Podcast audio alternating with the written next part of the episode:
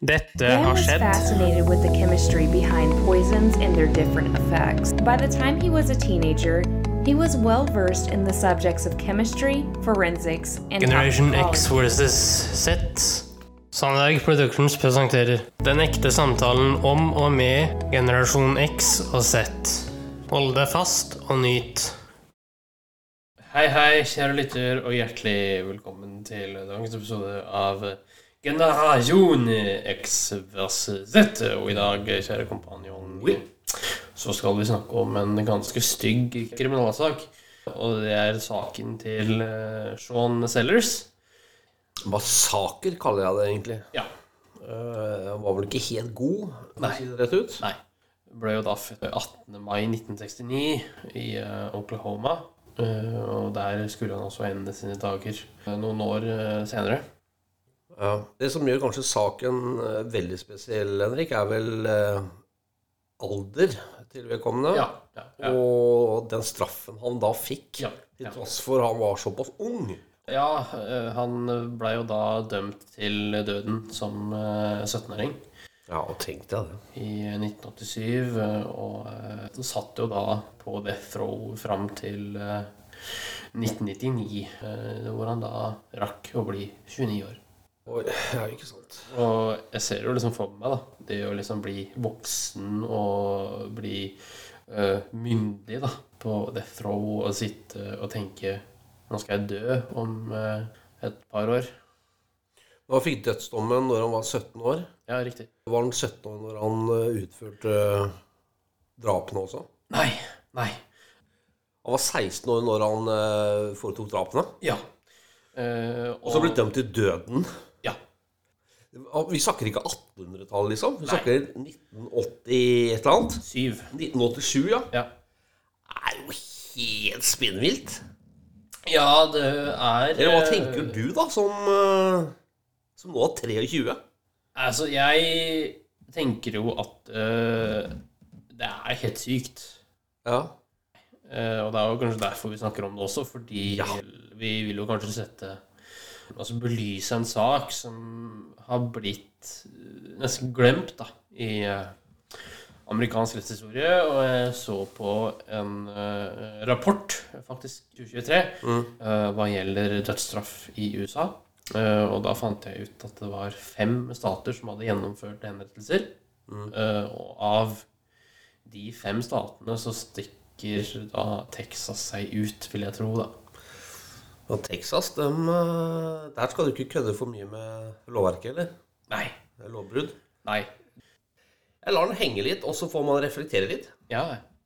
Og jeg kan jo lene meg på dokument eh, fra Amnesty International her også, eh, på to sider, hvor det står at eh, USA har tydeligvis da begrått en form for et lovbrudd. Ja, internasjonale lovbrudd. Ja. For internasjonalt så er ikke det lov å dømme noen. Det er ikke barn, vel? Nei, Ikke mindreårig, nei. Nei. Eh, det Iallfall var ikke død døden, da. Nei, nei. Voldsomt. Men du hadde noen lydfil. Ja. Hva var det for noe? Hva, hva skal vi høre? Nei, nå skal vi høre et lite klipp da, som går ned i eh, dybden på saken. Sean Sellers grew up in Oklahoma City and committed three murders before he even turned 17. His trial and confessions, however, were what shook the world. Sellers maintained that his Satanism and his allegiance to demons were to blame. But who was he and what kind of childhood did he have? Was he born evil or did he snap at some point in his life? Sean was born on the 18th of May 1969. His mother, Vonda, had him when she was 16, a year after she got married, and pretty much prioritized him all her life. Sean's dad took off before Sean could count the stars and reportedly had a terrible drinking problem due to his inability to make a living out of his singing talent. This caused Vonda to work tirelessly to fend for herself and her little boy. Unfortunately for Sean, he had to be independent from a very young age. Even though he played football as a junior, in high school and was a bright boy, it was also difficult for him to make and keep friends because they moved around so much. I liked being alone. I liked that solitude. I never really had a lot of friends because moved around so much. And by the time I'd really make a good friend, you know, uh, we'd move away. And that was got hard on me, so I, I didn't make friends very easily. Cupid, however, smiled at Vonda once more, and she met a man named Lee Bellofatto. Bellofatto loved Sean instantly and took him as a son. Sean and Lee's relationship could not be defined as ideal, though, especially since Sean was not very used to having a father figure in his life. Vonda and Lee worked hard to provide for their family and eventually decided to start driving long haul trucks to maximize their income, and this, unfortunately, meant that Sean had to spend most of his time with babysitters or relatives relatives. Sean, who was used to not having any friends of his own, soon began to resent the mother he once adored because she was majorly absent in his life. He began to read about Satanism during this time when he discovered a book belonging to one of his teen babysitters. 10 year old Sean had stolen the book and became insanely fascinated with the abnormal rendition of good and evil. He quickly became obsessed with the symbols, the ancient drawings, and all the fantasy that came with it. By the time he was 13, he got involved in playing Dungeons and Dragons. Dungeons and Dragons led me into witchcraft, which led me into Satanism. Sean built himself a fantasy world where he felt he belonged and didn't need his mother or stepfather. He relished the power he had from that world. He said in a jailhouse interview that when he first started practicing Satanism, he tried to keep the demons away but ultimately stopped. By the time he was 16, he had read the Satanic Bible by Anton LaVey hundreds of times.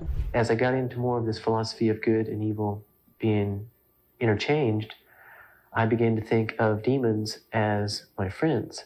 And I began to see that I was mistreating them by doing this. So I began to invoke demons and ask them to enter my body. The book seduced the young lad who felt like he could escape to somewhere unreal, where he had non human friends. Sean delved deeper and deeper into his newfound religion, and it wasn't long until, in his own words, he'd formed an alliance with Satan. He met other kids who were interested in these practices and soon began to do everything they thought would make them good Satanists. They formed and led a coven named the Elimination, and their purpose was simple get rid of Christianity. He would later say in an interview that they had to prove their allegiance to Satan. And to do that, we had to break the Ten Commandments, one by one, all of them. They began to lie, steal, and do every other one that they considered easy. In the end, there was only one that remained unbroken you shall not murder. Sean would say in his interview that only one was not easy, and murder he did. In 1985, Sean and his friend, fueled by the words of the Satanic Bible, which told them, You should choose people who, by their actions, basically beg to be killed, who contribute nothing to society, who can uh, who won't be missed, who have no one. Picked their first victim. Robert Paul Bower was a 32 year old Circle K convenience store and worked night shifts. Sean and his buddy Richard walked into the convenience store with Sean armed with the weapon. Richard asked Bower how much something cost to momentarily distract him, and as he looked up from his cup of coffee, Sellers fired a shot at him. He missed. Bower immediately started yelling at him to stop and made for the cash register to give them all the money, thinking they were there to rob him. The helpless man soon realized that the kids whom he knew and who frequented the store store were not there to rob him. He took off running in the direction he thought Richard, the unarmed one, was in. He didn't know that the teenagers had switched positions and that he was running straight to the aggressor. Sellers raised the gun again and fired. This time he hit Bower, who was only about two feet away from him. Both boys immediately fled the scene. I remember we laughed about it. We, uh, we thought it was so funny their first kill gave them wings to soar. Sellers, who had become powerful in his head and basking in the euphoria of having taken a life, soon started to have big problems with his parents. He did not want to be parented anymore. He wanted to live as he wanted since he was now feared among his peers for killing a man and getting away with it, apparently. He tried to move out, but his parents refused and took him back home. He started doing what he termed destruction rituals on his parents, but they just weren't giving up on disciplining him. Sellers began to have recurring dreams about killing his parents. And and best way I can describe it is one day I woke up and it was no longer a dream. On March 5th, 1986, while everyone else slept, Sean woke up, took his father's .44 revolver handgun, and walked down the hall into the room where his mother and stepfather slept, wearing the black underwear he used for his rituals. He first shot and killed his stepfather Lee as he slept. He didn't even have a chance. He turned the gun towards his mother and fired blindly as he couldn't see in the darkness. He missed the shot. His mother was awoken by the shots, and before she could process the events unfolding before her, Sean shot her in the face. He left his parents' bedroom, laid the gun down, and went to take a shower. A shower he said he remembered clearly because it woke him up. He went back to the scene and turned on the lights. He stared at his mom's lifeless remains and would say, And I remember laughing and giggling hysterically like I did whenever we killed the guy at Circle K. Sellers tried to disguise his guilt by arranging the crime scene to look as though an intruder had committed the killings and went off to Richard's house. He was arrested and charged with two counts of first degree murder. It was during his time in jail that he converted to Christianity and had his attorneys argue that he committed the murders while he was demon possessed. They presented facts about Sellers probably having multiple personality disorder and that he may have been insane at the time of his crimes. The jury refused to consider any of his and his attorney's claims. Sellers was found guilty of multiple homicides and sentenced to death in 1986. At the time, Oklahoma law did not allow jurors to condemn someone to life in prison without the possibility of release, as this option only became available in 1987. A juror later stated that the panel believed Sellers would be paroled in 7 to 15 years and that that jail term seemed insufficient. As a result, the jury chose the death punishment. Other jurors denied this was even discussed during the deliberations. All his appeals were disregarded, and even though human rights organizations put their weight behind him, his conviction was not overturned. Sellers appealed to the U.S. Supreme Court, but the court declined his appeal. On the 3rd of February 1999, Sellers ate his last meal of egg rolls, sweet and sour shrimp, and batter fried shrimp in his cell at the Oklahoma State Penitentiary. He was then led to the execution chamber where he read his final statement to his step siblings. By 12:17 a.m. the next day, Sean Sellers was pronounced dead 5 minutes after the lethal drugs were injected, aged 29. He is one of 22 persons in United States history since the reinstatement of the death penalty in 1976 to be executed for a crime committed while under the age of 18, and the only individual to have been executed for a crime committed under the age of 17 Ja. Ja, Uh, hva skal man si? Nei, det Akkurat det vet jeg ikke. Nei. Eh, men det jeg har funnet fram, Ja. det er det han sa som sine siste ord. Eh, Here I come, father. Og så snur han seg til uh, warden, altså fengselsdirektøren. ja. Gary Gibson, som han het. Eh, Og så sier han 'Let's do it, Gary. Let's get it on'. Og så begynner han å synge. Eh, Åh. da, 'Set my spirit free'. Eh, han fant eh, tydeligvis eh, den allmektige Gud i fengsel og ble kristen. Ja. Og det bunner jo da i det han sier, da. ja.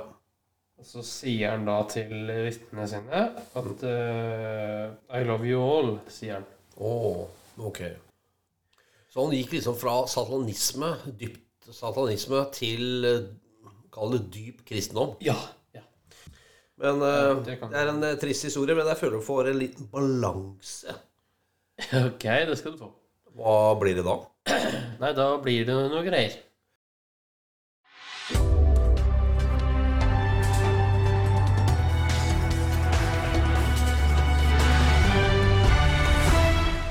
NRK-hjørnet.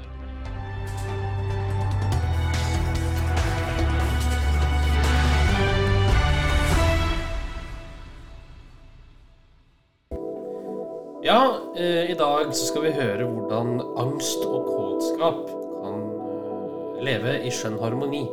Åh, ok. du har følt veldig mye angst, så kan det slå ut i kåtskap. Hva er det du sier? Ja, bada med e- heftige haier. Men den redselen du føler når For haier kan minne litt om jagerfly. De har radar i nesa, Ja, så alt er i nesa på haien. Så den må du vente på helt til den kommer opp, Ja. så kan du smekke den på nesa. Da vil han få et sånn der, akkurat som snøbilde på TV. ja. Null kontakt. Har du også smekka da en uh, hai på nesa? Ja. Nå husker jeg ikke det om så nøyaktig akkurat det, for jeg, jeg, når jeg kom om bord i båten etter å ha lappa til den haien, så satt Geir Børresen der. Og han er jo liksom Han er labbetuss. Han er Max Mekker. Og, er- alt er helt motsatt av det å være kåt.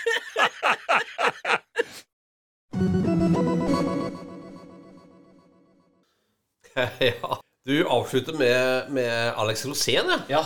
Vi liker han begge to. Ja, ja. Så eh, han eh, Nydelig fyr. Så han, eh, ja da, så han, han må vi ha flere ganger, Henrik. Klart det. Vi har Hatt en veldig hyggelig poddy, da. Ja, Vi høres i 2024. Skal vi ønske lytterne godt nytt år? ja, det kan vi gjøre. Og godt nytt år til deg, gutten min. Og Godt nytt år til deg også, kjære kompanjong. Tusen takk. Så høres vi. Det gjør vi. Tusen takk for at du fulgte oss. Gi gjerne tilbakemelding, likes eller kommentar på Facebook-siden vår Generation X versus Z. Velkommen igjen til neste podkastepisode. Hei då!